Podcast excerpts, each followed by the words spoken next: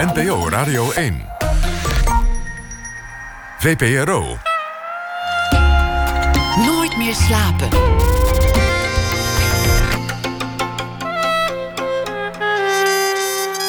Met Hanneke Groenteman.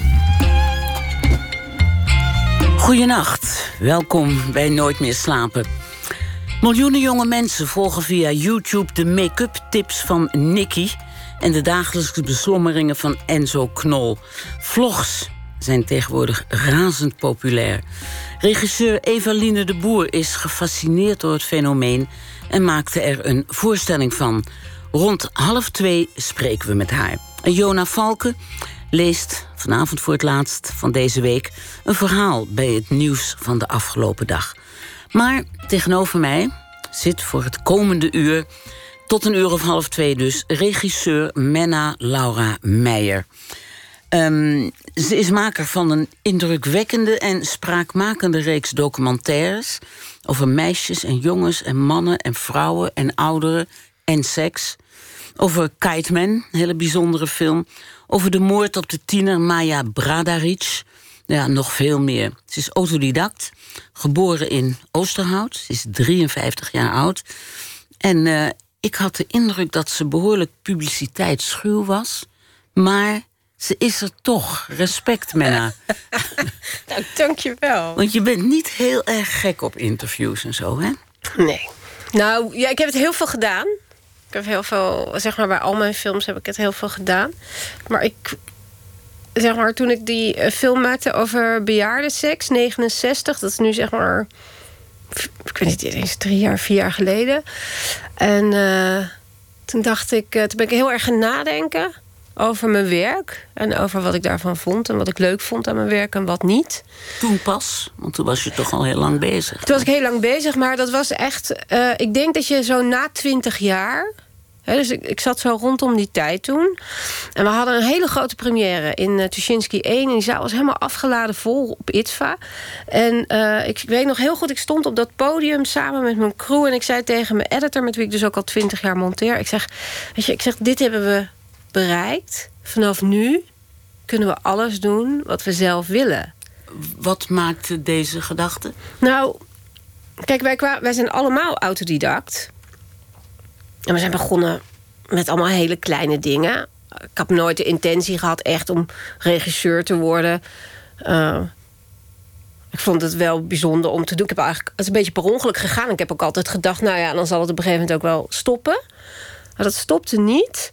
En zeg maar die première van uh, 69, toen in Tuschinski 1... dat was wel een bepaald soort, soort hoogtepunt, zeg maar. Je voelt aan alles dat alles klopt. Dus de zaal heel groot, mensen heel warm, heel hartelijk. Een uh, hele indringende film. Hele indringende film, hoofdpersonen op het podium. En dat ik toen dacht van wauw, we hebben dit bereikt... en vanaf nu kunnen we alles doen wat we zelf willen. Wat wij willen. En toen ben ik een jaar in bed gaan liggen. Want dat was wat je wou? Nou, omdat ik oh. dacht, dan ga ik daarover nadenken natuurlijk. Het heeft, mijn man heeft dus een jaar... die had toevallig ook dat jaar genoeg werk om ons allemaal te onderhouden. En ik heb echt een jaar lang nagedacht van... ja, wat wil ik dan? En wat vind ik eigenlijk leuk aan mijn werk? En wat vind ik eigenlijk absoluut niet leuk? En ik moet zeggen dat interviews geven rondom een film... viel e- als een van de eerste dingen af. Mm. Mm. En uh, dus ik heb nu nieuw soort van contract. Ook steeds met de omroep waarin staat dat ik dat niet hoef te doen. En dat ik uh, dus niet op die manier zelf de promotie van mijn eigen werk hoef te doen. En je zei, ik stond daar in Tuschinski met mijn hele crew om me heen. En dat zijn mensen met wie je eigenlijk al twintig jaar werkt. Maar zelfs met eentje ben je getrouwd. Ja. De geluidsman. Ja. Maar, eh, en dacht je toen, wij gaan nu gewoon als groep verder? Ja. Ik dacht, uh, ja, dat zat in dat rijtje van dingen die ik wou. Dus als groep werken, wat we eigenlijk al waren natuurlijk. Hè. We waren al eigenlijk helemaal op elkaar ingespeeld. Maar het was toch goed. Menna, Laura Meijer en Ja, haar. en ik wilde heel graag van de aftiteling af. Ja. Dus dat, ik heb geen, eh, nu twee films gemaakt waar mijn naam niet eh, zo direct op staat. Het is geen geheim. Het is niet zo dat ik zo, weet je wel, dat ik net doe alsof ik het niet ben. Weet je, het is niet anonimiteit of al die dingen, maar eh, ik ben wel van die aftitelingen af. En ehm, Dus je, ik verhoud me dus op een hele andere manier met het naar buiten brengen van die film. Nou ja, dat brengt ons eigenlijk toch heel vanzelfsprekend en zachtjes bij de aanleiding voor dit gesprek. En dat is jouw recentste film, Ja. Wie Margiela. En die film die gaat, ja, die gaat over. Nou, laten we zeggen, eh, hij zit in de titel Martin Margiela, beroemde modeontwerper. Maar die film heet niet voor niets Oui Margiela. Want hij gaat over de groep mensen waaruit Margiela zich eigenlijk naar buiten toe teruggetrokken heeft, onzichtbaar heeft gemaakt. Hij is natuurlijk de ziel van die groep altijd geweest, maar heeft zich net zoals wat jij nu eigenlijk vertelt, heeft besloten om in de groep op te gaan en niet meer naar buiten te treden, zichtbaar. Laten de anderen dat maar doen. En ehm, jij hebt een film gemaakt over die groep mensen die hun ziel en zaligheid in dat collectief hebben gelegd, in het huis Margiela. Van de opkomst van 1988 tot en met de verkoop van het huis aan Diesel in 2002. En in feite, wat je net vertelde over jouw eigen besluit, het lijkt er een beetje op met Ja. wat Margiela heeft gedaan. Hè? Ja, Is dat waarom absoluut- het jou trok om een film over die groep te maken? Nou, ik denk dat het me vooral. Er zit wel gewoon een soort parallel in. Weet je, je hebt heel vaak in films of dingen waar je mee bezighoudt, dat dan natuurlijk parallellen zijn in, in, in, in fases in je eigen leven. Tenminste, voor mij wel. Dus heel veel onderzoeken die je doet binnen een onderwerp wat gewoon een film is. Daarin zitten elementen die, die, die heel nauw verbonden zijn met waar jij op dat moment staat. En ik geloof dat mijn werk eigenlijk allemaal een soort dagboekjes zijn van die periodes, wie ik toen was. En je ziet ook heel erg dat ik verander. Je ziet ook heel erg dat die films veranderen. Hoewel ze in de kern gewoon allemaal gewoon Jouw zijn handtekeningen mijn hebben, ja. hebben. Dus het is, maar, ehm, en ik denk dat het heel erg klopt bij wat ik nu, zeg maar, van in ieder geval de afgelopen jaren, mij heel erg bezig heeft gehouden. Van, wat is dan dat makerschap? eh, waarin kenmerkt zeg maar, de unieke maker zich. Een filmmaker is eigenlijk iemand die vanzelfsprekend altijd in een groep werkt. Op geen enkele manier eh, iets in zijn eentje zou kunnen doen. Ehm, maar toch is die crew om een film heel hiërarchisch. Hè. Dus dat is heel duidelijk de regisseur die bovenaan staat. Dan komt de cameraman, dan komt eigenlijk de editor. Zo. En ik dacht, ja, maar ik wil niet... Dus dat onderzoek, dat liep parallel aan zeg maar, dat kijken naar die groep bij hun. Van hoe ga ik om met die hiërarchie? Of- Ja, en wat is de betekenis dan van een groep ten opzichte van één grote maker? Hoe verhoudt Ja. zich dat?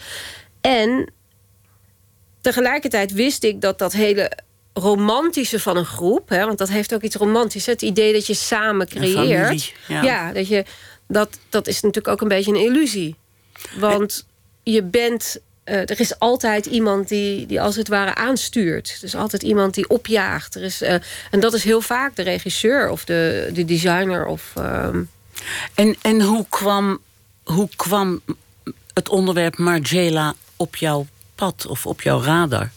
Ja, ik denk dat, eh dat Margiela was iets waar ik al heel lang... Ik probeer eigenlijk al meer dan tien jaar een film te maken... en die gaat over het verlangen naar verdwijnen. Die film die heet Disappear Here. En dat is, die film is de nagel aan mijn doodskist. Want het is, die lukt dus niet.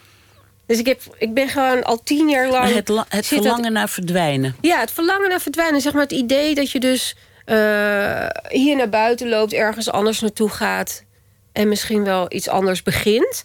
Eh, maar ik heb ook een boekje en dat heet ehm, How to Disappear Completely and Never Be Found. Dat is een handboek eigenlijk meer uit de 70, 80 jaren. Waarin je dus eigenlijk dus nog voor de tijd van het internet...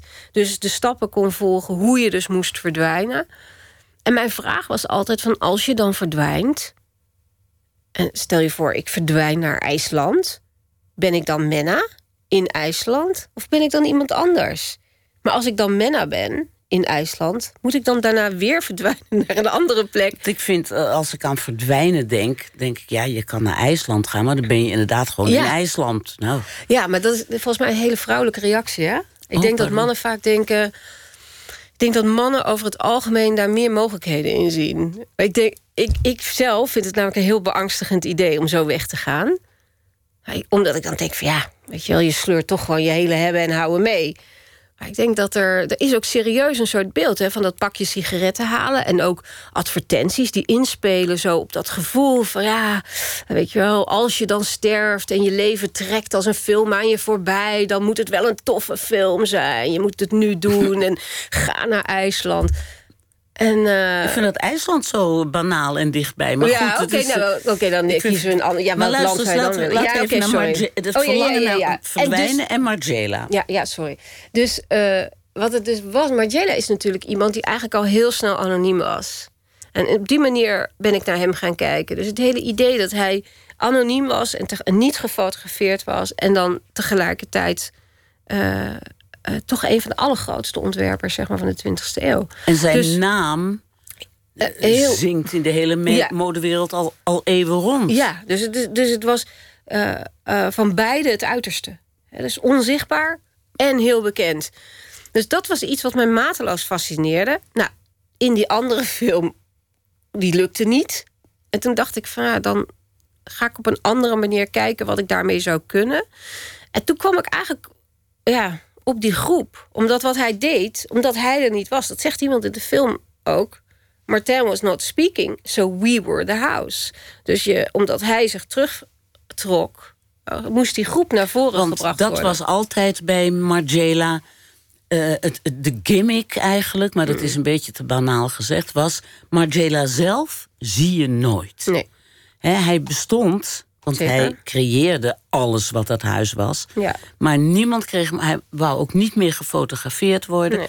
Eerst nog wel, vroeger geloof ik. ja, helemaal in het begin. Ja. foto's heb ik ook nooit van hem gezien. Er is één Maar- foto van hem. In principe is er één foto. Maar die zit zelf niet in jouw film. Nee, Nee. Dus hij heeft zich helemaal teruggetrokken uit de publiciteit. Heeft gezegd tegen zijn de andere helft van het huis, Jenny. ja. eh, jij doet het verder helemaal en de groep mag het doen, maar ik ben onzichtbaar. ja, Ja. zo is het gegaan. En hoe, hoe, hoe ben je dan bij ze gekomen? Nou, ehm, ik heb, denk ik, ben gewoon op een gegeven moment begonnen met iemand te bellen. Ehm, en het rare was dat. eh, Ik denk dat zij. Dat huis was toen inmiddels al. eh, we hebben het nu dus zeg maar over 2015 of zo. Dus dat huis was in 2008 is hij weggegaan. 2002 verkocht, 2008 is hij weggegaan. Dus zij waren al allemaal gewoon tien jaar lang, zeg maar, weg. Of eh, is minder lang. Ehm, zij waren eraan toe, ook om na te denken over wat dat was. Want al die mensen die in die groep zaten, die hebben allemaal een beetje dezelfde levensfase als ik zelf. Allemaal zo'n beetje rond de 50. Eh, maar Margiela zelf was 50 toen hij vertrok. En die groep die had allemaal een beetje zo mijn leeftijd. Wij zaten allemaal in eenzelfde soort van fase. Van dat je denkt, ja, misschien is het wel eens het moment om het daarover te hebben. Dus dat contact ging eigenlijk heel makkelijk. Dus een soort midlife, maar niet een crisis echt, maar wel een soort Nou.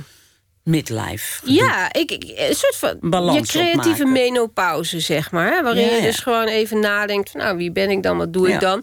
En zeker ook omdat die, zij allemaal vrij jong waren toen ze in die groep zaten. En dat heel bepalend is voor hun identiteit. Ook hoe ze zich creatief hebben ontwikkeld. De manier van werken. Ehm, de verkoop was natuurlijk heel heftig. Hè? De verkoop aan een heel commercieel groot huis. Diesel, ja. Ehm, dus ik denk dat. eh, op, e- dat zijn soms. Met films heb je heel veel geluk nodig. Waardoor. En dat had je nu. Ja, dat had ik. Die samenloop klopte. Dus je had het idee, je hebt eh, eh, de mensen eh, Hmm. allemaal bijna te spreken gekregen. Mhm. Maar toen moest je nog een vorm bedenken. Ja. Want het was niet een film over mode, hè? Nee. Het is helemaal niet een film over mode. Je ziet wel absoluut heel veel beelden en van die waanzinnige mode van die man, vind ik tenminste. Mhm, Maar die film gaat eigenlijk heel op soms abstract niveau bijna over dat collectief, hè? Ja. Ik zie, het is eigenlijk meer een soort psychologische. Iemand zei tegen mij: het is een soort eh maigret. Dus je, je gaat ergens Ja. in en je krijgt die groep te zien. Wat is daar gebeurd? En hoe loopt het af? Wie komt er ongeschonden uit? Is er een dader? Het is een soort eh, zoektocht naar eh, hoe, hoe, hoe is die groep ontstaan? En hoe zijn die mensen op een gegeven moment weer uit elkaar gegaan? En met welk gevoel? En je hebt er ook een hele impressionistische film van gemaakt. Helemaal niet zoals een documentaire Hmm. doorgaans is. Dat is meestal gewoon een soort stramien. Mhm. Van hier hebben we het over, toen begon het. Dat zijn de mensen met ondertitels. Toen is dat gebeurd en zo is het afgelopen. Nou, ondertitels heb je al helemaal niet. Je weet helemaal niet wie wie is eigenlijk in die film. Je ziet flarden van home movie-achtige beelden van modeshows. Opeens beginnen mensen dan weer heel, nou, behoorlijk geëmotioneerd soms te vertellen. Het, het is een grote impressie van een tijdperk. Hè? Ja, het zou is eigenlijk het misschien meer, inderdaad een meer een soort... Ook een heel groot dagboek inderdaad. Wat probeert zeg maar te achterhalen wie zij toen waren... en wat er voor hun belangrijk was. Ehm, en wat betreft die vorm... Kijk, toen wij begonnen, ook omdat dat huis verkocht is natuurlijk... dat betekent, als je een huis verkoopt... dat wist ik eerst ook niet, maar die kopen alles. Dus ieder draadje wat daar nog op de grond ligt... is in de verkoop van de, grote, van de nieuwe partij. Dus dat betekent ook dat alle designs, alle tekeningen... het hele archief, maar ook bijvoorbeeld al het beeldmateriaal... Nou, Diesel was geen partij voor ons om mee te praten. Daar, we hadden niet dat soort geld, maar we hadden ook een ander belang dan zij. En dat betekent dus dat wij, toen we begonnen, eigenlijk begonnen met niks. Behalve een groep mensen om mee te praten. Wat niet echt de meest ehm, filmische eh, situatie is. Want het betekent Nee. dat je eigenlijk alleen maar interviews draait. Ja. En ik had wel altijd gedacht van nou, als het dan alleen maar interviews zijn, dan wil ik eigenlijk ook niks anders suggereren dan dat het een film is met allemaal interviews. Zoals je bijvoorbeeld Spike Lee, die heeft toen op een gegeven moment over Katrina die film gemaakt, hè, When the Levees Broke, die Ja. documentaire. Het zijn eigenlijk gewoon allemaal interviews eh, voor een blues, bijna een bluescreen-achtig, weet je wel, bijna zoals, zoals je bij een journaal ziet. Heel basic, waarin mensen vertellen en zo, zo, zo, zo weet je wel, gedetailleerd en precies pro- mogelijk proberen te vertellen wat dat is. Op een gegeven moment kregen we wel meer toegang tot archiefbeeld. En dat hebben we toen wel gebruikt. Waardoor je ook wel fijn, ook dat je soms een beetje adem kan halen in zo'n film. Dat het niet zo hermetisch wordt. Ehm, maar het is eigenlijk een film die uitgaat van dat wat je niet hebt. Dus, eh, en Over iemand die er ook niet, niet is. is. En het rare is dat. Wel de dat ultieme verdwijnfilm. Ja, Wordt steeds maar- meer. Ja, maar het is, het is ook dat, eh, dat Jenny, zeg maar, die dus de, dus de creatieve partner was van Margiela, dus de, de zakelijke partner, maar deels ook creatieve partner van Mar- Margiela. Dat zij zei ook altijd van eh, ehm, dat dat wat je niet hebt, kan je soms creatief waanzinnig ver brengen. Dus dat je in feite uitgaat niet van wat je wel hebt, maar van wat je niet hebt, om van daaruit dingen te creëren. Dus ehm, Geef een voorbeeld. nou ja, dat. ehm nou ja, Margiela deed geen interviews. Nou, wat doe je dan? En dan kan je natuurlijk zeggen van, nou oké, ja, dan doe je geen publiciteit, maar dat bestaat niet. Hè? Dus het is, je, je moet dan een alternatief bedenken. En toen is op een gegeven moment bijvoorbeeld bedacht, dan is het de groep, dan is er een wij, Een dan huis, is er, dan ja. is er een huis, dan, eh, dus dan, en dan opeens wordt iets wat, niet, wat je niet hebt, kan zich omvormen tot een concept. Maar daar zit het helemaal vol mee bij Margiela, maar ook in jouw film. Nou, ik heb toevallig nu een vestje aan van Margiela. Het enige, het is gewoon een rood, eh, redelijk saai vest. Ik ben er dol op hoor. Maar achterin van Margiela zit Ja. altijd zijn labeltjes. Zijn, zijn merkje is een wit lapje. Met vier witte steekjes aan de buitenkant. Dus eigenlijk ook niks. Ja. En zo zit jouw film ook nogal vol met beelden van niks. Bijvoorbeeld Ja. alles wat je met Jenny, de belangrijkste vrouw in Margela's eh, eh, werkleven. Eh, zonder haar was hij er niet geweest. En zonder Nou ja, hem niet was zij er niet was. geweest. Ja? Ze ja, hadden elkaar Ja, nodig. Maar Jenny is niet in beeld. Nee. Nooit één Nee. seconde. Ik weet niet hoe ze eruit ziet. Nee. Dat heb je gedaan, heb je opgelost. Je zal zo meteen vertellen waarom. Door een groot wit beeld zit je gewoon naar te kijken. Met titeltjes om Ja. haar tekst, haar Vlaams te ondertitelen. Ja. Maar je hebt dus eigenlijk dat witte etiketje uit mijn vest... zie je ook in jouw film. Ja. En dat vond ik zo gewaagd. Ja, dat, dat je minutenlang naar een wit Ja, vlak zit te kijken. heel... Het is bijna anti-film, hè? Ja, zoals zijn eh, etiketten ook Ja. anti-etiketten En zijn. het rare is dat... eh, het- het lijkt... Toen ik het... Ik weet dat Jenny wilde niet gefilmd worden. Want? Zij was heel erg ziek. Uh, en ze wilde op geen enkel, onder geen enkele voorwaarde in beeld. Um, zij wilde ook niet dat op die manier duidelijk zou worden dat zij zo ziek was. Want ze was aan het zuurstof al en zo. Ze, ze, was duidelijk zichtbaar ziek. Ja, nou, het was eigenlijk heel elegant hoor. Ja, ze is inmiddels overleden. Ze is 1 juni, nee 1 juli is ze overleden. En ze had zo'n heel klein, zo'n heel lang soort van uh, plastic slangetje. En dat ging door het hele huis. Dus het was eigenlijk een hele elegante. Uh, het zag er heel elegant uit, maar wel natuurlijk gewoon heel duidelijk dat zij niet gezond was. Nou, dus daar was geen sprake van. En waarom wou ze dat niet? Ja, ik denk dat. Uh... Ja, ik vind ijdel misschien toch niet het juiste woord, omdat ijdel suggereert. Maar decorum, ze wou. De, maar ik denk dat het voor haar. confituren niet. Ja, maar ik denk dat het toch anders was. Ik denk dat ze. Um, het belangrijk vond misschien in dit, waarvan ze misschien ook wel wist dat het een van de laatste dingen was die zij in haar leven zou doen ze heeft. Uh, heel lang was natuurlijk volstrekt onbekend wat haar rol was in dit geheel. Deze film laat dat voor het eerst eigenlijk brengt het zo duidelijk naar buiten. Ik denk dat ze daarin ook gewoon een soort kracht wilde behouden. Het is wel een wonder dat ze meedeed.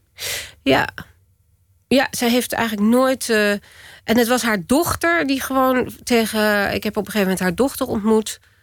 Uh, zij zit ook in de film.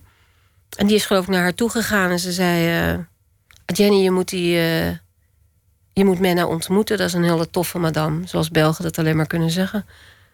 En Jenny en Sophie waren heel close. En dus kwam ik daar op audiëntie. En dat was. Uh, ja, zo is dat gegaan. Iedereen heeft nogal heel openhartig eigenlijk over de rise and fall, zal ik maar zeggen, mhm, van hun leven bij Margiela gepraat. Ja. Er hangt ook wel aan het eind soort. Het, het was heel bijzonder. Het mhm. was iets. Als je daarbij hoorde, hoorde je bij iets unieks. Ja, heel exclusief. Er werd wel gezegd secte, maar dat was het natuurlijk helemaal niet. Ja. Maar wel een hele bevlogen familie, zou ik maar zeggen. Heel intens. Maar goed, toen het huis verkocht werd door Jenny mm en Martin, ja. En Martin. Een enorme miljoenendeal natuurlijk is dat geweest. Met Ga ik Diesel, daar gaan we vanuit. Waar zaten ze allemaal met lege handen Alleen maar met hun herinneringen, toch? Ja, dat is zo. Dat is een. Uh...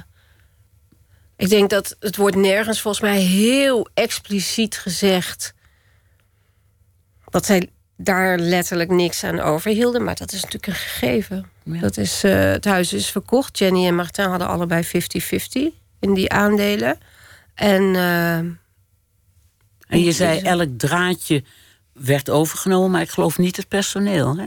Ja, personeel wordt eigenlijk, en dat schijnt uh, ook standaard zo te zijn. Ik moet zeggen, dit zijn wel dingen, dat wist ik zelf. Maar ik denk dat het hetzelfde is bij grote bedrijven, weet je wel, die verkocht worden en zo.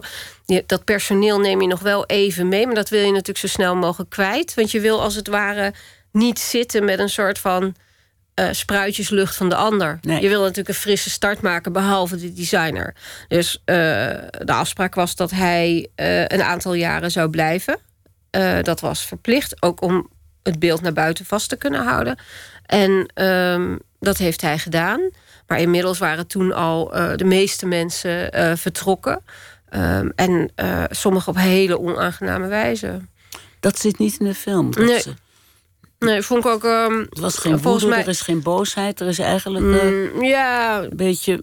Dat komt ook omdat, zeg maar, denk ik, uh, heel veel uh, dingen voor mensen moeilijk te bespreken zijn. Ook soms liepen de rechtszaken. Het is niet iets waar je zo vrij. Nee, maar dat heb je, je hebt eigenlijk meer een soort grondtoon neergezet hmm. dan een, een feitelijke ja, en ik denk ook wel omdat ik het eigenlijk. Ik vond het idee dat het dan lege handen zou betekenen geld. Vind ik eigenlijk minder interessant. Want waar het natuurlijk om gaat, is een soort creatieve leegte die achterblijft. Hè? Want wat is uiteindelijk. Ja, ik werd daar een beetje melancholiek van. van oh. Dat ik denk, ja, iets wat zo mooi was. En dat moet een keer ophouden natuurlijk. Ja. Zoiets creatiefs dat mag zich nooit herhalen. Dus het zit ook wel in de loop van het leven. Ja. Maar had je een soort verdrietgevoel? Voelde je verdriet bij die mensen? Ja. Ja, absoluut. Ja, en ook... Uh, als jij. Het, ik denk dat er eigenlijk bijna niks in het leven, even los van kinderen, uh, relaties, liefde, weet je, dat soort dingen. Maar als het gaat om werk, is er bijna niks zo bevredigend als samen iets doen. Dat is gewoon een heel intens, gelukzalig gevoel. Dat ja, idee dat je... dit ook toch wel vergelijkbaar met liefde, kinderen, familie. Ja. Het was meer nog dan werk. Hè? Ja, het was absoluut. Zij, waren vol, zij, ze moesten heel hard werken, heel veel werken. En ze moesten heel nauw met elkaar samenwerken. Ja. Ben je blij met de film? Als je hem nu nog weer ah. ziet. Hij gaat nu in de bioscoop. Hij is nu in de bioscoop, ja. En uh, ja, dat vind ik eigenlijk nog moeilijk om zo te zeggen. Ik vind altijd. Ja, een film, als die af is, is die wat die is. is die dan ook weg? Is die dan van je af ook echt? Nou, dat moet ik wel doen, omdat ik kan gewoon niks meer doen. Snap je? Ik heb het gewoon gedaan. Um, en dat, dus ik weet ook dat er dingen in zitten waarvan ik denk: ah ja, dat klopt niet helemaal. Of, waarom, of dat ik niet helemaal terug kan halen waarom ik iets per se wilde of wij daarin bepaalde keuzes hebben gemaakt. Dus ik moet op een gegeven moment zeggen: ja, als, dit is wat het is. Dus alle, iedereen mag alle kritiek hebben, mag ook alle complimenten hebben. Maar het is, ik kan er niks meer aan doen. Nee. We gaan uh, nu even naar het nieuws luisteren. Oh, echt? Dan gaan we naar het tweede deel van het gesprek hoor. We zijn nog niet klaar. Maar over wie Margiela wel.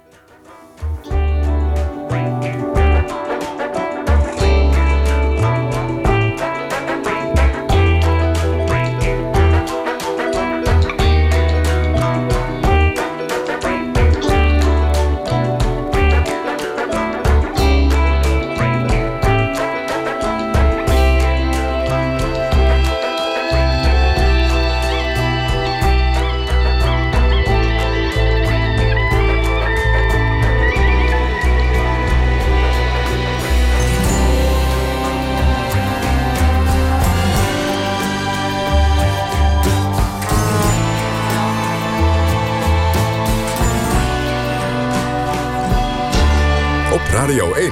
Het nieuws van alle kanten.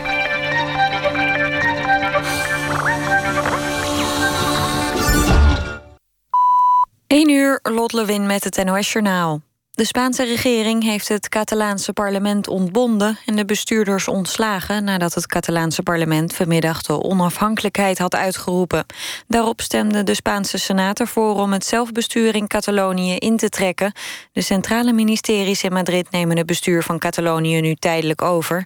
Op 21 december moeten er nieuwe verkiezingen worden gehouden in Catalonië. De familie van de dode Argentijnse activist Maldonado zegt dat hij is gedood door de grenspolitie. De man verdween twee maanden geleden tijdens een demonstratie voor de rechten van Mapuche-Indianen. Vorige week werd zijn lichaam teruggevonden in een rivier bij de plek van de demonstratie. De verdwijning van Maldonado leidde tot een storm van kritiek en ophef in Argentinië. De zaak ligt gevoelig in het land, waar van 1976 tot 1983 tienduizenden mensen verdwenen tijdens de militaire dictatuur. In Rome is een man veroordeeld die meer dan 30 vrouwen met HIV heeft besmet. Hij moet 24 jaar de gevangenis in. De Italiaanse man wist dat hij besmet was met HIV, maar loog daarover. In de afgelopen 10 jaar zocht hij meer dan 50 vrouwen op via datingsites... en haalde ze over om onbeschermde seks te hebben. 32 vrouwen raakten besmet, net als drie partners van de vrouwen... en een baby van een van hen. Veel vrouwen kwamen er pas achter toen ze uh, hoorden dat de man was opgepakt twee jaar geleden. Op de eerste dag van de NK-afstanden in Heerenveen... heeft Koen Verwij voor een verrassing gezorgd. De schaatser won de 1500 meter... en versloeg onder andere Sven Kramer en Kjeld Nuis. Bij de vrouwen ging de titel op de 500 meter naar Jorien Termors... en de 3 kilometer werd gewonnen door Antoinette de Jong. Ze onttronen daarmee Irene Wust, zevenvoudig kampioene op die afstand. Het weer dan nog, veel bewolking, maar op de meeste plaatsen droog. Overdag kan eerst de zon nog even schijnen... maar al snel neemt vanuit het noordwesten de bewolking toe... en smiddags valt er regen. Het wordt rond de 14 graden. Tot zover het NOS-journaal. Dan nu de ANWB Verkeersinformatie. Op de A15 Rotterdam richting Gorinchem... tussen Alblasserdam en Sliedrecht-West... staat 3 kilometer file door een ongeluk. De vertraging is daar ruim een half uur. Tot zover de verkeersinformatie. NPO Radio 1. VPRO. Nooit meer slapen.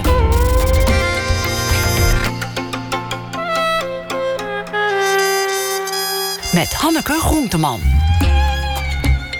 Welkom terug bij Nooit meer slapen.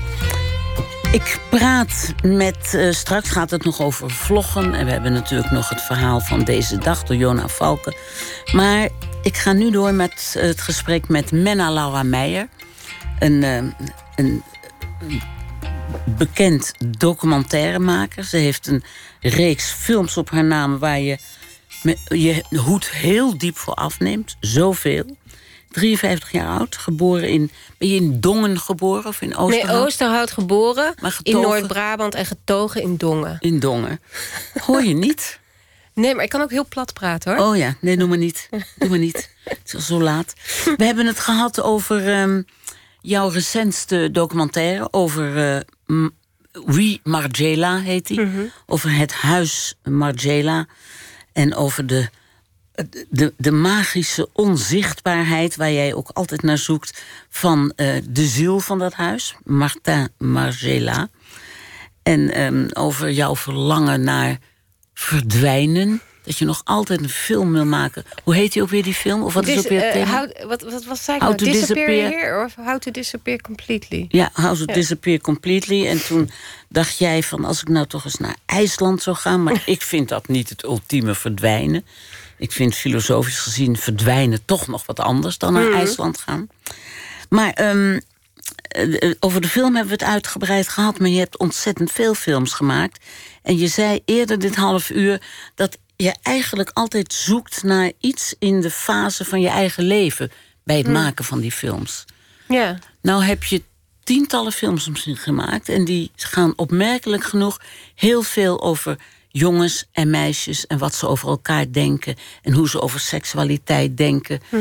Eh, een van je opmerkelijke films is eh 69... over ehm, de seksualiteit van oude mensen, oudere mensen. Een hele mooie film vond ik ook, de film over Kite Man die eigenlijk ook iets met Margela te maken heeft, vind ik. Ook zo'n zo'n gekwelde, creatieve, in een groep levende kunstenaar. Die niet helemaal verdwijnt, maar toch eigenlijk ook wel een beetje. Ook opeens weg is geraakt. En ook naar IJsland gaat trouwens. Oh. En, En daar ook- zichzelf weer hervindt. Eh, Ook een tijd helemaal weg is geweest. Ja, zeker. Dat je denkt, waar is Kite Man? Waar Ja. is Colin Benders? Ja.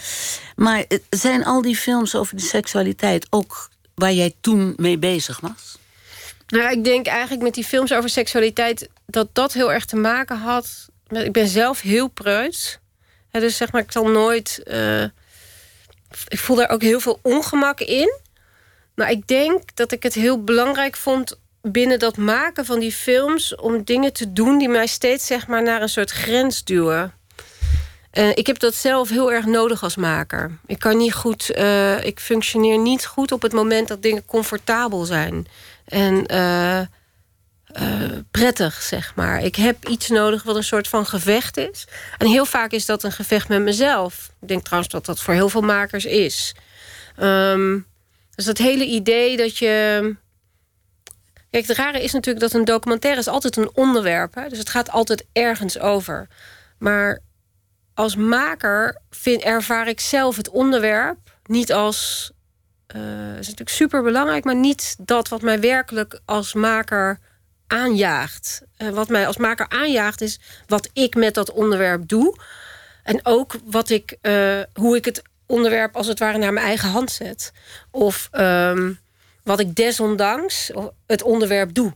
Maar voor een preuts iemand ik ja. zijn jouw films ongelooflijk vrijmoedig. ja, dat is ook echt. Ik vind ze zelfs moeilijk om naar te kijken soms. Ja. Ik ben misschien nog wel preutser dan jij, maar ik zou dat niet durven wat jij doet. Nee, dat is ook. Ik. ehm, ik had soms zo. Ik, dat is. Dat, op een bepaalde manier is, verbaast me dat ook gewoon. En er zijn veel mensen die dat niet begrijpen. ik denk zelf wel dat daar zit iets in. Dus gewoon die drang om zeg maar die grens te verleggen.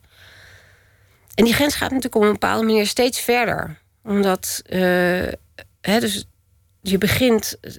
Toen ik tien jaar geleden meisjes maakte dan, dan zit je in een heel ander soort modus. En dan zijn andere grenzen. En toen ik 69 maakte, waar bijvoorbeeld een hele grote blootscène in zit.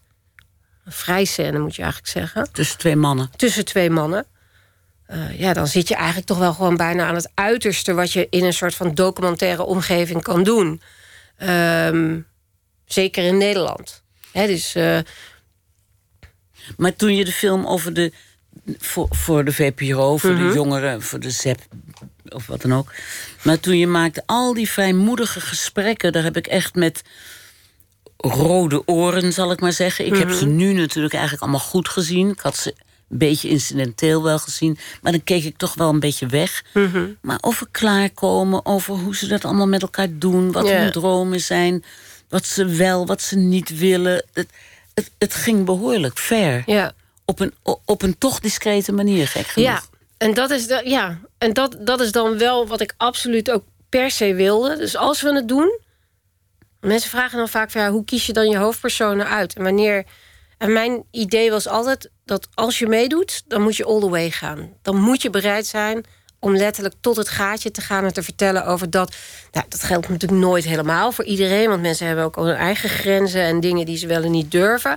Nou, dat was voor mij altijd heel erg belangrijk. Dus mijn gevecht met die grens is ook hun gevecht met die grens. Heb jij ooit met jouw kinderen, je hebt vier kinderen, ja. Uh, van puber tot al wat ouder, 23. Ja. Heb je ooit zo met ze gepraat nee. als je met de kinderen in de films hebt gepraat? Nee. Nee, dat heb ik nooit gedaan. En weet je, dat, ik, ik sprak ook nooit uh, over hun seksleven of zo. Of dat, ik heb ook nooit voorlichting gegeven. Ik weet wel dat ik op een gegeven moment voor... Om wat voor ik weet niet eens meer wat de aanleiding was... bij uh, het AIDS-fonds zat. En dat ging over... Voor, voor research, denk ik. En toen bleek dat heel veel meisjes pijn hadden bij het vrijen. Dat bleek dan heel veel voor te komen. En toen kwam ik thuis s'avonds bij het eten en zei ik... dames, mocht het zo zijn, dan komt dat heel vaak voor. Goed om daar even over na te denken en met iemand over te praten. Dat, dat staat me wel bij. En nu bijvoorbeeld als het gaat over die seksuele intimidatie... en dus, die, die, dus, de, hè, dus dat met die grenzen... De hashtag... De hashtag MeToo. En zo dan heb ik soms ook wel dat ik het behoefte heb om daar iets over te zeggen. Maar um, het is, dat, dat verbaast me nou echt. Als ik zie wat je in die films, tientallen films... wat je allemaal niet met jonge mensen hebt besproken... en wat je ze hebt laten zeggen Ja. en doen en zoenen... ja. en met je eigen dochters... eh, Nee, ja, raar is dat, hè? Dus dat is en gewoon jij zelf, absoluut hoe niet ben op- jij opgevoed? Wat, voor, wat ja, was... ik, ik ga ervan uit dat ik geen voorlichting heb gehad. Maar of dat nou echt waar is of niet... Wat voor school dat heb je ik gezeten? Ik zat in Brabant gewoon op de middelbare school. Dus gewoon op een HAVO. Niet katholiek? Ja, heel erg. Oh ja? Ja, ja, protestante lage school en een katholieke middelbare school. En wij waren denk ik een van de weinige mensen in dat dorp die niet gelovig waren. Ehm, maar ik, ik, in mijn herinnering heb ik geen voorlichting gehad. Of het echt zo is, weet ik niet. Ik heb met mijn ouders praat ik ook nooit over hun seksleven. En heb je broers en zusters? Ja, ik heb een zus. En hadden jullie... eh, Nee, heb ik ook nooit met haar over gesproken. Ik kan dus je hebt eerlijk... alles in die films gedaan? Ja, ik kan me eerlijk gezegd... Nou, en ik heb bijvoorbeeld ook al meer dan twintig jaar een hartsvriend. Echt iemand met wie ik dus... Hè, dus naast mijn eigen man... dus gewoon echt mijn aller, aller, aller, allerbeste vriend. Eh, maar ik heb ook nooit met hem over zijn seksleven gepraat. En met je, je hebt die film 69. Die is ook ongekend... Nou, vrijmoedig. Het is een beetje een tuttig woord. Nou, ik vind het eigenlijk wel een goed woord, Ja, ik vind het ook wel een goed woord Blijmoedig, vrijmoedig, ja. Wel Vrijmoedig. ja. Maar die film 69, wat overigens heel raar is... dat die film die gaat echt die mensen vertellen... echt alles als oudere mensen. En dan zie je een vrijscène... En dan is opeens het geslacht helemaal vaag. Ja, maar luister, dat heb Wat ik is dat voor ja, eh, dat was, eh, ingreep? ja, dat was de VPRO. VPRO, Ja, waar we nu eh, eh, zitten... Ja, dat, was, eh, dat is echt, daar ben ik heel, eh, vond ik heel Oh, dat- erg. toen werd het Maar opeens dat- porno. Ja, Door dat vaag Ja, maken ja. van... ja, dat is zo. En dat, is, maar dat, heb ik, dat vond ik ook heel erg. heeft me heel erg geraakt, weet je dat? Oh. Want hij opent zeg maar met dat Hans onder de douche staat. Dat is het eerste of nou, een van de eerste echte scènes zeg maar, met de hoofdpersonen. Nou, Hans staat onder de douche. Maar het is niet in de bioscoop, hè? dus het is alleen maar op de televisieversie. En, die, en dan is zijn piemel is geblurred. En later dus ook in de scène eh, bij het vrije. En dat ik dacht, ehm, dat vond ik heel verdrietig, weet je dat? Vond ik heel. eh, vond ik echt heel verdrietig om te zien. Veel meer dan ik me ooit had gerealiseerd. Want op een gegeven moment met zo'n film kan je ook in een soort van... dan krijg je gesprekken van ja, we zitten met de kijkwijze... dit en dat, zus en zo. En ik zag dat en ik dacht, godverdomme, weet je... als stelletje slappe... Piemels. Die jullie zijn. Weet je, en dan heb je dus een piemel van... nou, ik weet dat gewoon, die helemaal niet zo heel groot was. Ja, wat maakt dat nou uit? Nou ja, gewoon dat ook niet zo. Weet je, je kan je nog voorstellen als iemand gewoon een waanzinnig grote erectie hebt. dat je denkt van, nou jongens, moet dat nou zo op tv? Maar dit was gewoon echt een wat, een wat oudere meneer. Hans was toen al tegen de 80. Weet je, of, of was al 80. Dat je denkt, maar ik vond het zo naar. Ik vond het zo. Terwijl, terwijl die scène, dat ik denk, hoe, hoe heb je dat. Hoe heb je dat in beeld gekregen. Zo'n heftige, gepassioneerde liefdesdaad. Ja. Die toch, toch goed was om naar te kijken. Wat ik meestal niet vind. Ja. Ik vind het al eng als mensen zoenen op een groot beeld. En dan krijg ik al een soort plaatsvervangend raar gevoel. Ja, ja ik, we, we hebben dat. Maar, gewoon... was dat helemaal geregisseerd? Of, het nee, het is echt. Ja, het is echt. Ja, het is natuurlijk niet echt in de zin van ze hebben normaal gesproken geen seks waar de camera's bij zijn. Maar um, het is eigenlijk ooit begonnen omdat zijn vriend Sander... die kon niet in beeld met zijn gezicht. Wij zaten dus heel vaak na te denken van... ja, wat zouden we dan kunnen doen? En op een gekke manier... Sander die zei toen van... ja, weet je, alles wat van achteren is prima. Maar niet mijn gezicht. Maar niet mijn gezicht. Niet dat als ik bij de Albert Heijn ben, dat nee, zien, Nee, Sander uh... die had een baan. Die werkte voor de overheid. Oh, ja. En uh, die wilde dus niet op die... En het gekke is, dan zou je denken... Uh, nou, dus je mag niet met je gezicht in beeld. En uiteindelijk kwamen we dus uit op dit... wat dus alles laat zien, behalve zijn gezicht. Ja. En uh, ja, ja. het is een hele... En ook een hele cruciale scène natuurlijk... omdat hij zo balanceert op alles wat je niet wil zien... en tegelijkertijd ook alles laat zien waarvan je denkt... ja, dit is in de long run toch wel wat het is. Hè? Dit is dus wie wij zijn. Dit is wat ja, wij doen. Wat wij doen, ja. En um, het was natuurlijk heel raar ook om in zo'n situatie... Um, zo'n scène op te nemen. Dat is een... Um, ik weet niet, wij zijn van tevoren even wat gaan drinken, geloof ik, uh, op de Haarlemmerdijk. En... Uh, want Hans woonde in een, uh, een, een, speciaal huis. Uh, ook voor, waar heel veel homoseksuele uh, senioren woonden. De Rietvink. En, en toen zijn we daar gekomen. En ik had een dekbedhoes mee. Waarvan ik dacht, oh ja, we hadden wel nagedacht over het beeld. Maar ja, op een gegeven moment gaat het gewoon Wat natuurlijk. een raar werk heb je toch. Ja. He, hebben al die films nou, want ik heb ze nu allemaal achter elkaar gezien. Dat kunnen mensen thuis trouwens ook als ze naar mm -hmm. jouw website gaan. gaan dan zie, kan je een aantal van die documentaires nog zien. Um, hebben die jou gegeven wat je zocht? Als je zegt, ik wou eigenlijk steeds mijn grenzen verleggen. Het was iedere keer een fase waar ik zelf iets wou mm -hmm. uitzoeken. Uh, het heeft dus niet geleid tot gesprekken met je kinderen... maar heeft het verder wel heeft het je wel iedere keer een stukje bevrijd van iets of zo? Of hmm. is zo'n grens dan ook overschreden? Ja, ik denk het wel. Ik denk dat het steeds weer iets is waarvan ik denk... Uh, dit, dit daagt mij creatief uit op zo'n manier dat ik weet... dat het niet tot een perfecte film leidt... maar wel tot de, de creatieve fases die ik door wil maken binnen zo'n proces met de mensen met wie ik werk. En uh, het, is ook, het is gek werk, maar het is een bizarre luxe ook om voor werk zo dicht op mensen te zijn die ik vaak uh, heel graag mag. Geen vrienden zijn, maar wel waarmee ik zeg maar zeker in zo'n periode een heel intens contact heb. En waarin je eigenlijk alles van ons menselijke uh, zijn aan je voorbij ziet komen. Hè? Dus het gaat over verlangen, het gaat over gezien worden, het gaat over uh, ik ben iemand, want zij kijkt naar mij. Um, het gaat over, uh, ja, over aandacht ook in dat opzicht. En dat je dus op, zo'n manier dus zo'n periode heel dicht bij mensen bent. Dat, vind, dat, heeft, dat is natuurlijk een hele rare baan. Het is veel intensiever, zeg maar. Zelfs bijvoorbeeld zo'n interview als wij doen nu, dat is een uur. Dus dat is eigenlijk al heel lang. Maar bij ons is dat gewoon standaard per persoon twee uur. En dan soms wel twee, drie keer. Dus je bouwt echt een hele... Um, je komt heel diep in iemands leven. Uh, en over het algemeen vind ik dat een waanzinnige luxe dat dat iets is wat je kan doen. Want je, je bent geen conventionele filmmaker, hè? Want die films van jou lijken helemaal niet op gewone documentaires. Ze hebben altijd iets ongebruikelijks, iets ongemakkelijks soms ook. Ze gaan ook voor de kijker verder dan je eigenlijk zou willen.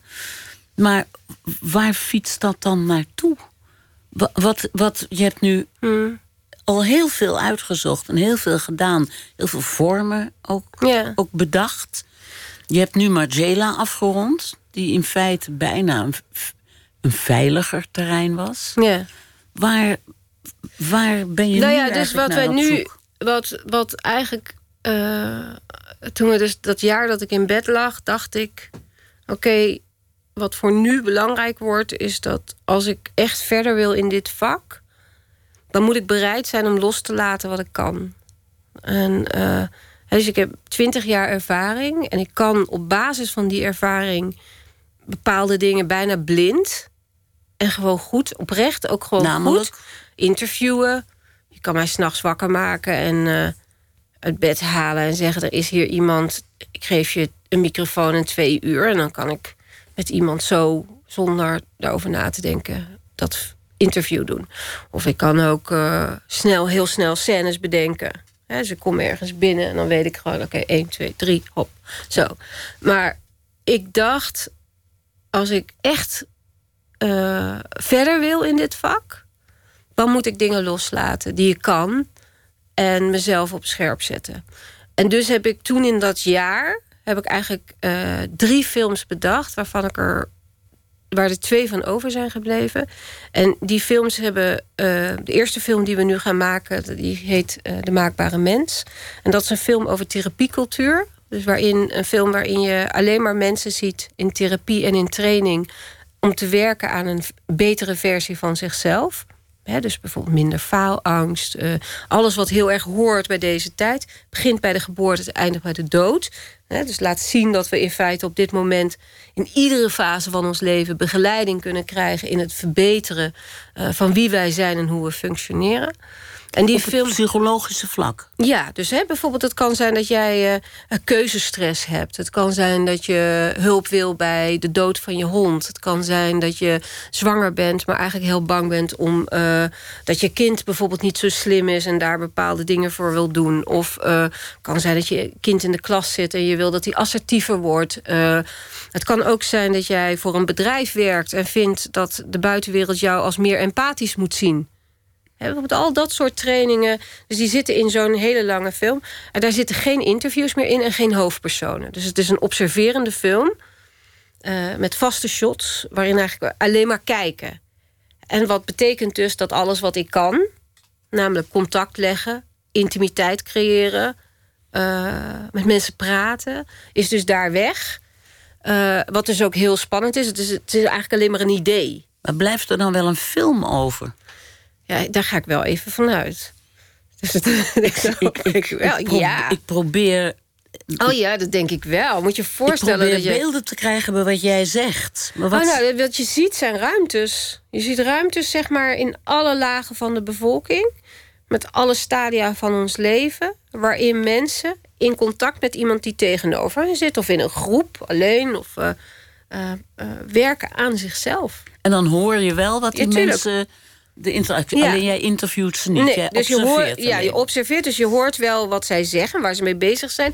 Maar het is ook niet gegroepeerd rondom eh, van, oh, nu iemand die werkt aan, eh, aan faalangst. Of nou iemand. Nee, het is eigenlijk veel, is veel abstracter dan dat. Dus het is ook voor het eerst dat ik zo'n rare experimentele film maak.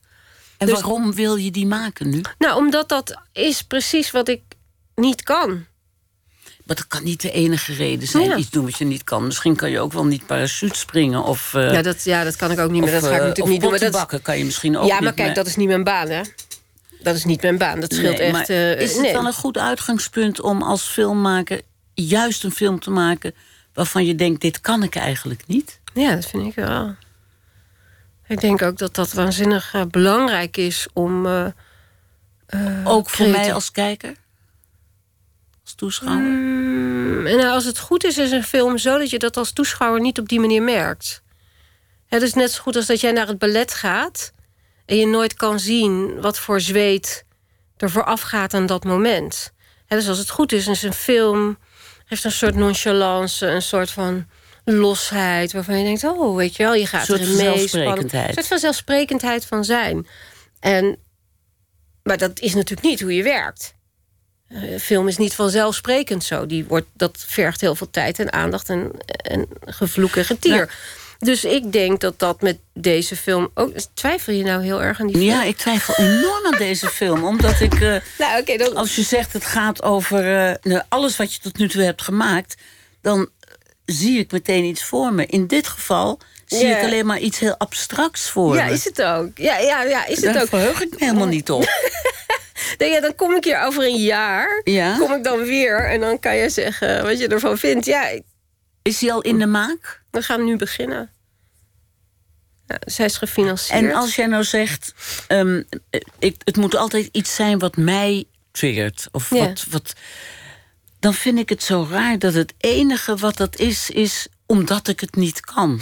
Ja, maar ik denk dat je niet moet onderschatten hoe heftig het is om eh, ervaring te krijgen in je vak. En je ziet, weet je, bijvoorbeeld als je nu kijkt naar die documentaire een tijdje terug van David Hockney, hè? Als je kijkt hoe iemand die dus gewoon al 100 miljoen jaar tekent, schildert. En dus op steeds op cruciale momenten, waar heel vaak tien jaar tussen zit, hè? dus her, zichzelf heruitvindt. En dat is dus gewoon fundamenteel als je dus een maker bent. Nou, op het moment dat je dat niet doet... en je dus als het ware achterover leunt in dat wat je kan... ik geloof niet dat dat werkelijk eh, tot... tot eh, de, ja, je hebt het risico nodig. Je hebt het, de kans op falen nodig. Dus voor jou is eigenlijk een afgrijzelijk idee dat je tot het eind van je dagen zou doorgaan met het maken van Oh ja, goede documentaires over, Oh ja, dat, zou ik, dat is onmogelijk. over dat, seksualiteit Ik heb- of ik over weet dat ik- sterren. Of, ja, ik weet dat ik één film heb ik gemaakt die te veel. Dat, dat ik op een gegeven moment aan het draaien was en dacht: hè, heb ik dit nou al een keer gedaan? Snap je dus dat je als het ware je eigen kopie wordt? Ik snap bij heel veel makers niet. Dat ik denk, van, hebben zij daar zelf dan geen last van? Weet je? Dat je een documentaire ziet en denkt... hè, is toch eigenlijk een beetje wat je al eerder hebt gedaan. Heb je nou zelf ook niet eens zin om eens even iets anders te doen? Maar ik, voor mij is het heel fundamenteel. En ik denk ook echt dat als het gaat om echt makerschap... dan moet dat, dat die push waarin het kan mislukken... is fundamenteel. Dat anders... eh, Dus dat is om nog weer even terug te komen op de film van Margiela. Mhm. Die op, zijn, nou ja, op een bepaald punt in zijn kunstenaarschap zei... en ik hou ermee op. Mhm. ja. Ik kan gewoon... Hij is nu helemaal, voor zover we weten, opgehouden met het gewoon het ontwerpen. Terwijl Ja, hij eigenlijk tot zijn stokoude leeftijd zou die door kunnen gaan... met jassen binnenste buiten keren en zijn eigen zichzelf herhalen. Ja. Dat is eigenlijk dus ook jouw grote angst, dat je je herhaalt. Ik denk dat, en hoewel ik heb, ik heb nooit zeg maar, van hemzelf vernomen wat precies de aanleiding was voor hem te stoppen. Ik weet wel, zij waren allebei heel erg moe. En eh, het huis kon verkocht worden en dat is gewoon wat ze hebben gedaan. En ze waren, maar eh, dat was heel duidelijk ook een creatieve eh, noodzaak om te overwegen hoe je dus verder zou gaan. Want stilstand is gewoon ondenkbaar voor een kunstenaar. Ja, dat denk ik wel. Herhaling en stilstand. Ja, dat denk ik wel. Maar vind ik. En op je lauweren rusten. Ja, dat vind ik. Maar goed, eh, en ik denk dat als je echt om je heen kijkt... en ik meet mezelf helemaal niet met iemand als David Hockney of wat dan ook... maar je ziet daar steeds die, die, die absolute drang om risico te nemen... in het verkennen van iets anders. En ehm, ik, dat vind ik, eh, daar heb ik gewoon ongelooflijk veel respect voor ook. Maar nou hebben we het steeds... Je noemt even David Hockney we hebben het over Margiela. Dat zijn solistische kunstenaars. Hebben natuurlijk altijd mensen om zich heen nodig. Maar jij bent in feite iemand, een deel van een groep. Ja, Dus jij sleurt eigenlijk mensen mee. die groep mee, dat zijn Ja. er vier of vijf Ja. misschien, in jouw onrust. Ja, in mijn in jouw kwestie, drang om steeds weer eh, iets nieuws te zoeken. Nou, en ik zie dat ook, eh, sterker nog, ik zie dat echt als mijn verantwoordelijkheid. Dus als jij twintig jaar met dezelfde mensen werkt, dan is het mijn verantwoordelijkheid als, als, als regisseur, ook als om steeds te zoeken en te voorkomen dat mensen om mij heen zich herhalen. Maar er moet toch ook brood op de plank, om het heel banaal te Ja, zeggen. maar we hebben Je natuurlijk- weet, als je weer een film maakt over eh, nu honderdjarigen en seks... dat wordt in ieder geval weer verkocht. Ja, maar we hebben in Nederland natuurlijk een relatief luxe, vooralsnog eh, subsidieklimaat, waarin eh, het feit dat ik na twintig jaar een film wil maken zonder interviews, eh, wat een groot eh, risico is ook. Hè? Eh, dus toch zeg maar de, het Filmfonds en het NPO-fonds zeggen van nou oké, we gaan daarin mee. Jouw krediet is inmiddels als maker zo groot dat je... Ja, en het is, ik moet wel zeggen dat eh, eh, het is ook echt een heel goed plan. Dus ik heb het wel zo opgeschreven. Ik kan jou niet meteen overtuigen, maar ik heb hun uiteindelijk wel overtuigd van dat dat ook een bijzondere film zou kunnen worden. Eh, dus ik. Het, is heel goed doordacht, weet je wel. Dus het is niet zo van, oh, ik, ik ga eens even bungee jumpen met een, weet je wel.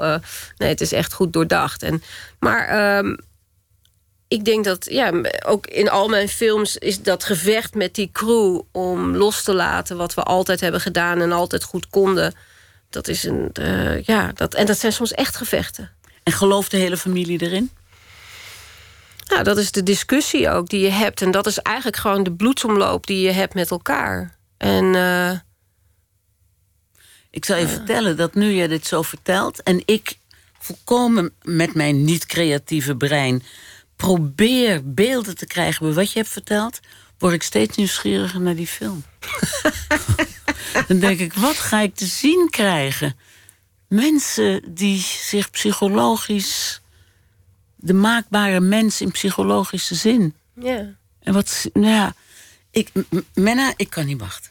Ja. Ik ben enorm benieuwd wat dit voor film wordt. Wanneer gaan we zien. zien, denk je? Oh, ik hoop eind volgend jaar. Ben je, aan, ben je al aan het draaien? Nee, we zijn nog niet echt aan het draaien. Research is helemaal af en de financiering is rond. En ik moet daar echt gewoon aan het werk. Wij gaan elkaar volgende week weer zien. Ja, Want dan draait jouw film in een Rialto in de bioscoop. En dan gaan we weer met elkaar praten. dat geloof ik. Gaan we doorpraten. Ja. Want nu zijn we klaar. En nu moet ik je de nacht weer insturen. Heel veel geluk en succes. Dank je wel. Dankjewel. Dank je wel.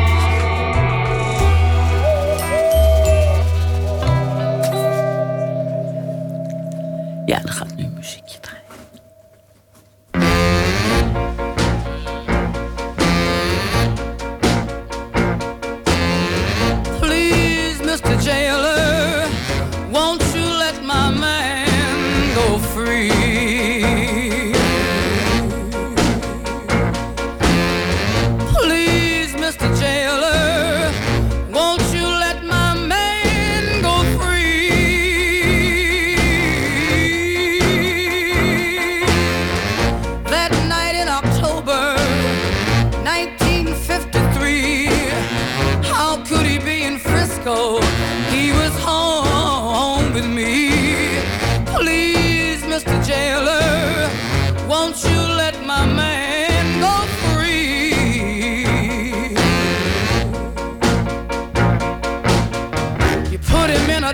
myself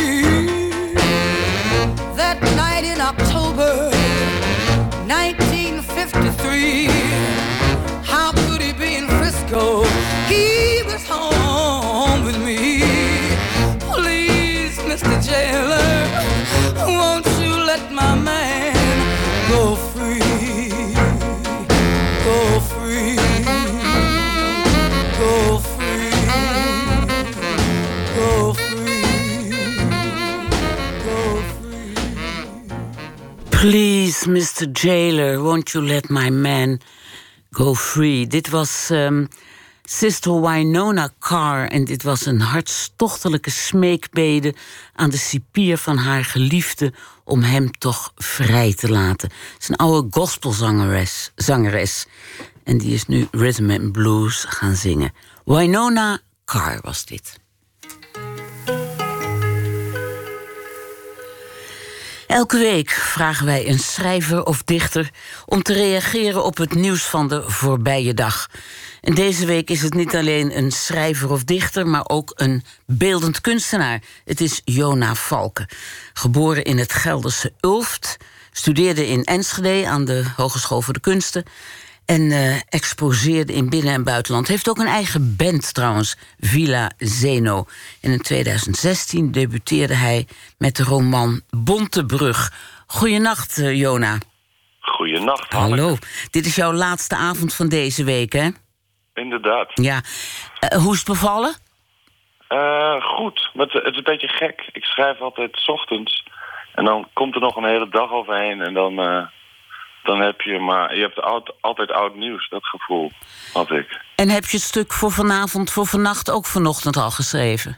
Ja, Maar eh, de bedoeling is, het is commentaar op de voorbije dag. Hoe gaan we dat aanpakken dan? ja, ja, dit, dit wordt erg lastig. Nee, ik, ik las vanochtend de krant Ja? en eh, in Sussex, Engeland, kunnen mensen zich... eh, kunnen mensen patiënten van ziekenhuizen in huis nemen om eh, kostbare ziekenhuisbedden... eh, hoe noem je het? Ja, te sparen? eh, Ja. Ja, precies. Als ze een kamertje over hebben in hun huis, Precies. dan eh, kan je iemand in de verpleging nemen. Nou, dat vond ik eigenlijk geweldig nieuws. En dat wil Ja. jij in, in waar je woont, in, waar is het, Gelderland? Ook wel. Nou, ik, ik ben eigenlijk vrijwillig dakloos nu. Dus ik, ik, ik woonde in Amsterdam en nu, en nu weet ik niet waar ik ga wonen. Ik wil wel een vrijwillige dakloze in huis nemen, hoor. Nou, dat, dat, dat, is een, deze. dat is een deal. Maar nu wil ik even weten... wat is dan toch je commentaar op deze vrijdag geweest? In het Engelse Sussex is het binnenkort mogelijk om ziekenhuispatiënten in je huis op te nemen tegen betaling. Dit om te voorkomen dat kostbare ziekenhuisbedden bezet worden gehouden. De Volkskrant schreef vandaag dat deze care homes een soort Airbnb zijn. Ik zie voordelen. Met visite erbij gedragen de meeste mensen zich beter. En het verschil tussen bezoek en een patiënt in de logeerkamer is waarschijnlijk te verwaarlozen. Veel is er niet nodig om in aanmerking te komen als verhuurder. Men mag geen strafblad hebben, moet basale kennis bezitten en weten hoe een magnetronmaaltijd wordt opgewarmd. Ook wordt er van de verhuurder verwacht zo nu en dan een praatje te maken met de patiënt, al dus de Volkskrant. Veel mensen lijken te worstelen met de ambitie om iets bij te dragen aan een betere wereld. Care homes kan een uitkomst zijn. Al zitten er wat haken en ogen aan. Mag de patiënt bezoek ontvangen en zijn verjaardag vieren? Mogen er huisdieren mee? Zo ja, welke wel en welke niet? En ook, kan er gerookt worden in het logeerbed en voetbal worden gekeken? Er zijn nog wat twijfels, maar als dit plan doorzet... zie ik de mogelijkheden tot een betere wereld. In het ziekenhuis gebeurt het wel eens dat een verpleegster verliefd wordt op een patiënt of andersom. In huiselijke kring is dat niet tegen te gaan. Wanneer breekt het moment aan dat de verzorging ophoudt, het logeerbed wordt opgeklapt en de patiënt gewoon naast de bewoner of bewoners in bed kruipt? Het is iets om naar uit te zien. Vaak is een relatie niet meer dan de verzorging van de ander op een bepaalde manier.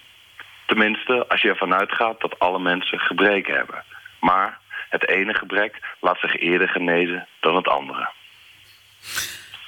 Ik vind het steeds aantrekkelijker worden om, eh, in huis, om een eh, jonge man in de, verpleging, in de verpleging te nemen. Ja, dat moet, maar- je hebt toch nog geen verpleging nodig? Nee, maar jij toch misschien wel? Nou, ik wel, ja. Dus dan kom jij Nee, bij mij als patiënt. Ja, dat, dan gaan we samen voetbal kijken en eh, roken. Misschien op het logeerbed. Ja, Roken doe ik niet meer, maar voetbal kijken heel graag. Nou, dan rook ik. Ja, dat eh, It's, lijkt me leuk. Het is een deal, Jona. Oké, En mooi. heel erg bedankt voor de afgelopen week. Graag gedaan. Wel trusten. Dag.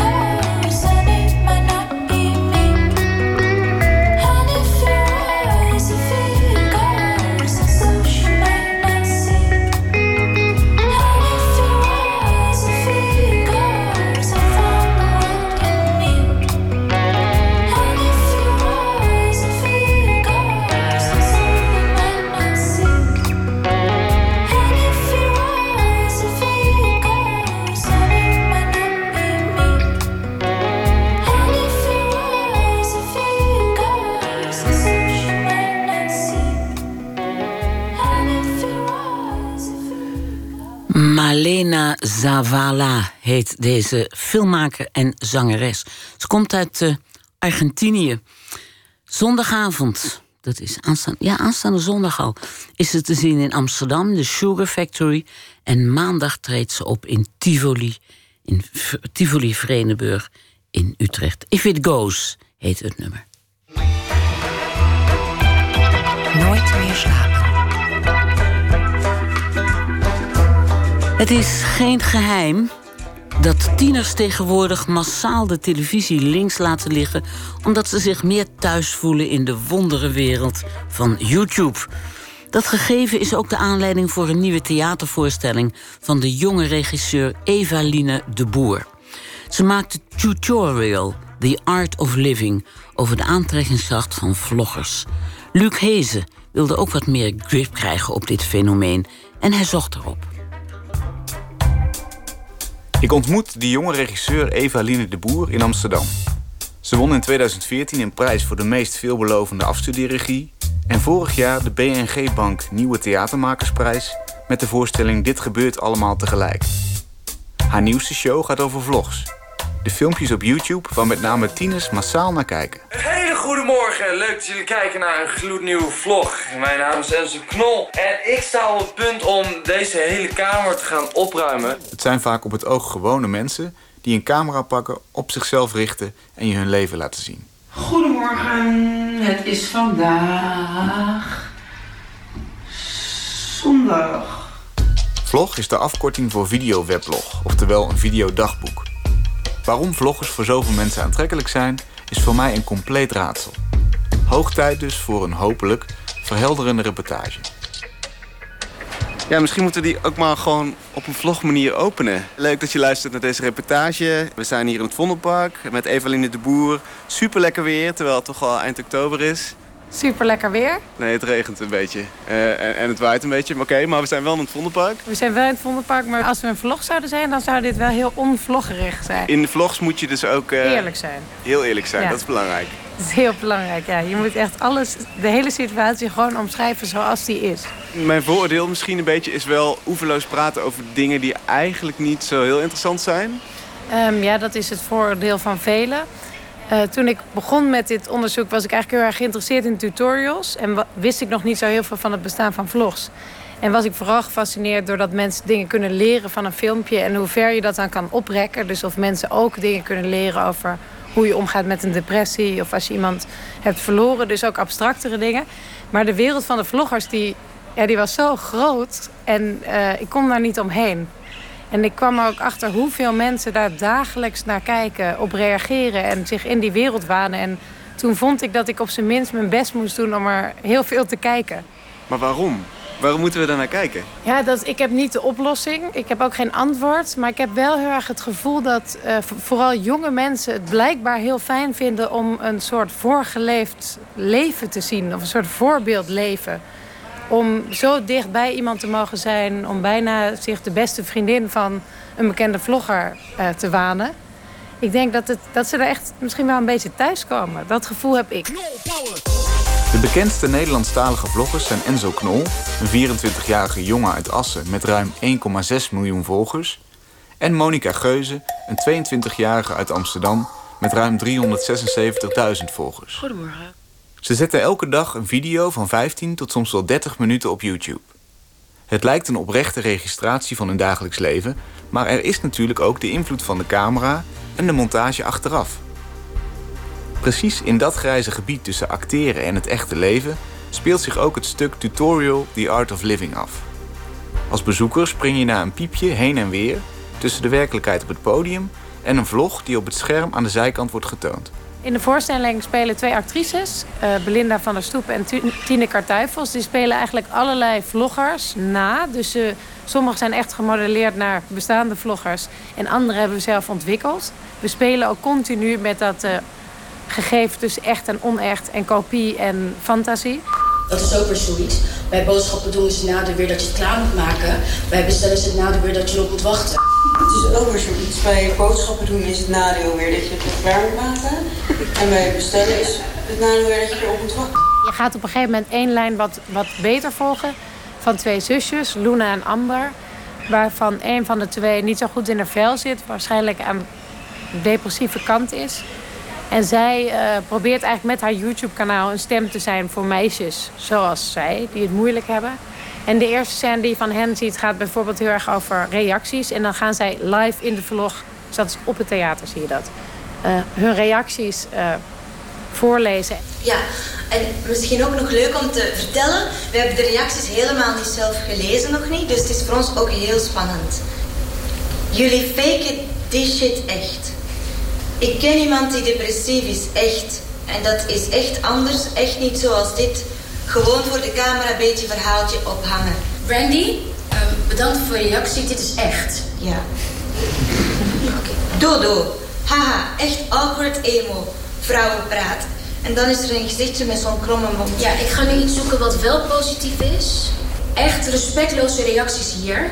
Dit meisje is gewoon heel erg down. En wie ben jij om daarover te oordelen? Ik heb ook dit soort zware tijden gehad.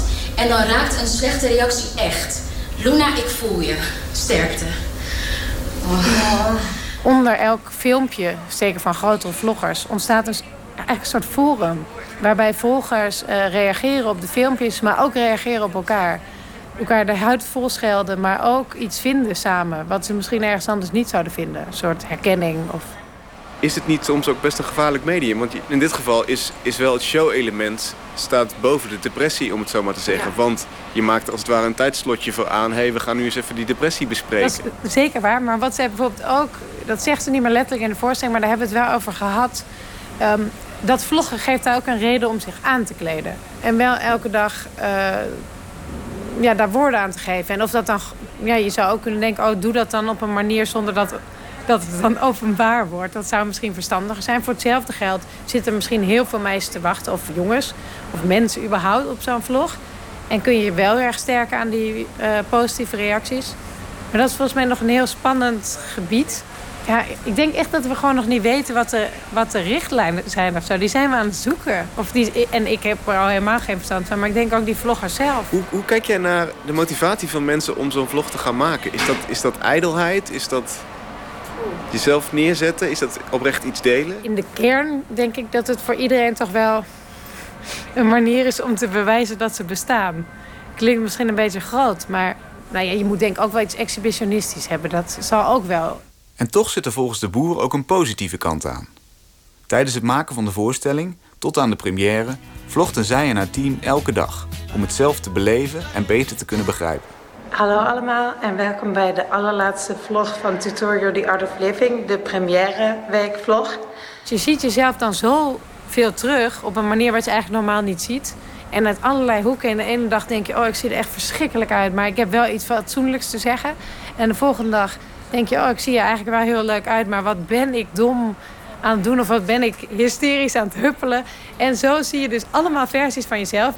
En dan op een gegeven moment denk je, ja, nou ja, dat, als ik dat dan allemaal ben, dan, ja, dan ga ik me daar ook niet meer te druk over maken.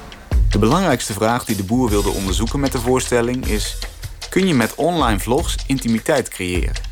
Iemand neemt een filmpje op. Eh, dat is niet eens live dat je het ziet. Dus je ziet iets wat al geëdit is. Iemand anders kijkt dat in zijn eigen kamer. En toch denk ik dat je het gevoel kan hebben dat er echt contact bestaat. Terwijl wij er toch meestal van uitgaan dat contact eigenlijk alleen bestaat op deze manier. Zoals wij hier tegenover elkaar zitten. Het duidelijkste voorbeeld zijn de zogenaamde ASMR-vloggers. Dat staat voor Autonomous Sensory Meridian Response.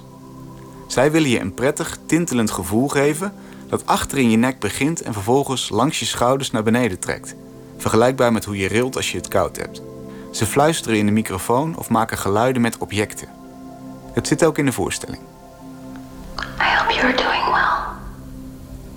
You're probably a bit stressed. It's okay to be a bit stressed. I heard you wanted a new haircut. I'll cut your hair today. But first, I will do a little brushing to start off because I love the sound it makes when I tap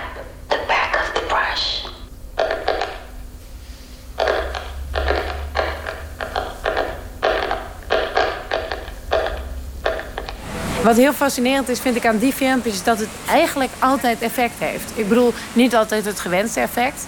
Eh, sommige mensen worden er echt bloednerveus van. Eh, andere mensen worden er waarschijnlijk behoorlijk opgewonden van. Andere mensen vallen ervan in slaap, maar het doet iets.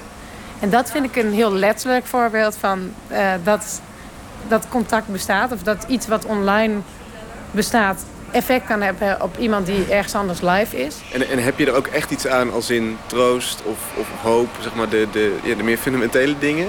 Nou, bijvoorbeeld in montageweken, als het echt heel zwaar is... en als ik echt alleen maar aan het werken ben als een maloot... dan is het wel... Klinkt zo cheesy. Maar dan voelt het wel echt als een moment van mijzelf. Nog even voor de mensen die sceptisch zijn om, af te ronden, de Radio 1-luisteraar. Hoe moeten we het fenomeen vloggen benaderen? Toen ik begon met die filmpjes kijken, ik vond dat zelf best wel moeilijk hoor. Ze helemaal uit te kijken en dan eh, dat je dan toch de hele tijd denkt... oh, ik wil me hier niet toe verhouden, ik ga er maar grappen over maken. Maar om daar dan toch doorheen te gaan, ik vind dat een oefening in inleving. Oké, dankjewel. Nou, dat was de aflevering voor deze keer. Ik zou zeggen, als je deze reportage leuk vond, like Nooit meer slapen op Facebook. Dat vinden we heel tof en dan krijg je elke dag updates. Doei! Doei! De voorstelling. Doei. De voorstelling Tutorial, The Art of Living, is morgenavond nog te zien in Theater Bellevue in Amsterdam. Op 9 december in Theater Kikker in Utrecht. En op 28 december in het Chassé Theater in Breda.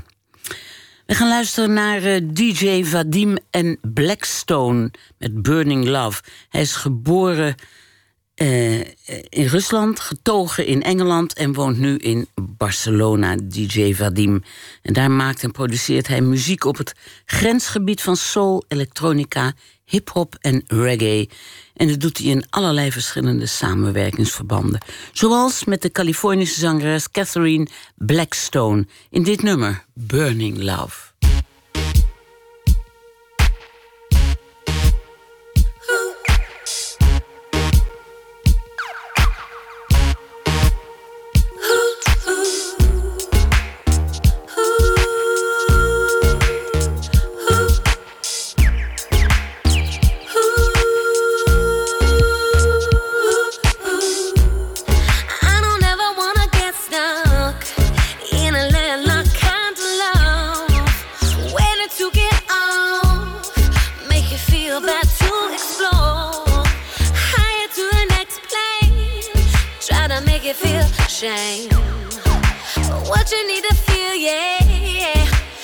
The moment take ya. Oh, come on, daddy, let's go.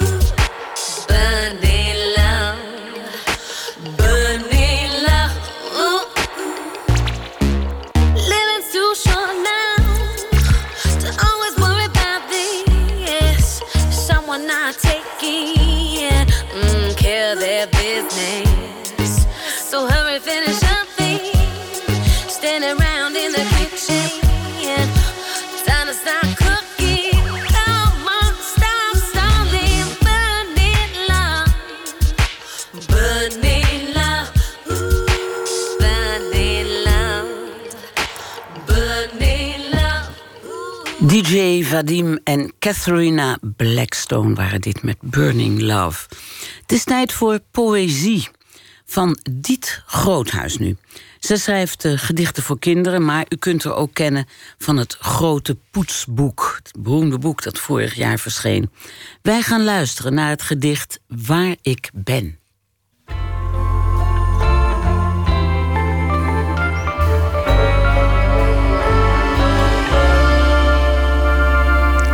Ik ben. Ik moet altijd opletten. Zwarte spinnen zakken aan een draad naar beneden als ik slaap. Muggen in de kamer zoemen in mijn oor.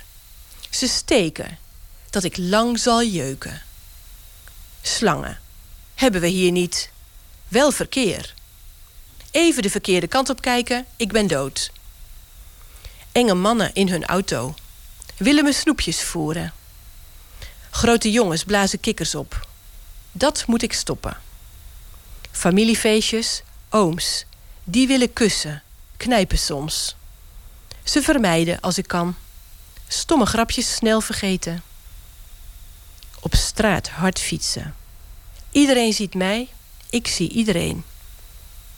Misschien op judo gaan. Altijd, altijd opletten. Waar ik ben. Maak maar eens een lijstje van de dingen waar je als kind bang voor was. Ik wed dat enge mannen en nare ooms daarop staan.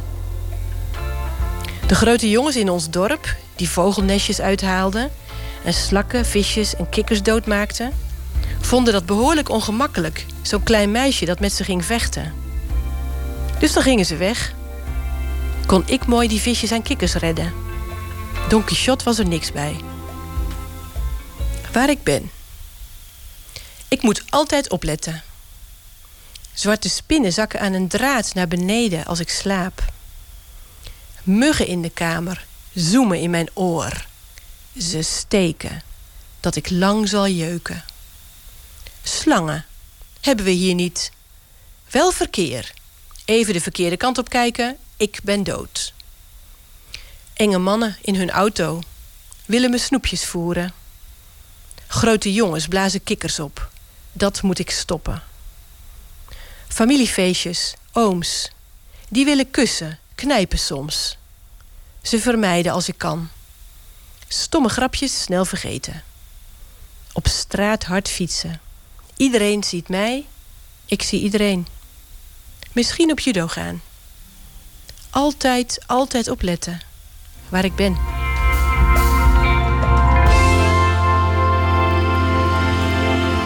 U hoorde Diet Groothuis en het gedicht Waar ik ben. Ik vertel u nog even iets over maandag. Dan komt Peter Buwalda bij Pieter van der Wielen.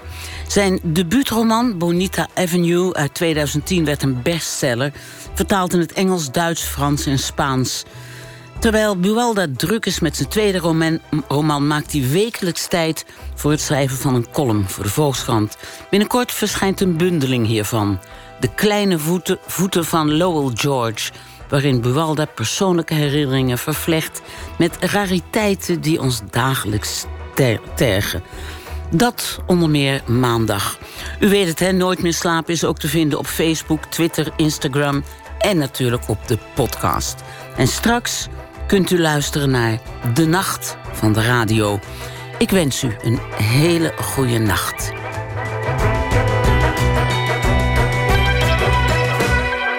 Radio 1, het nieuws van alle kanten.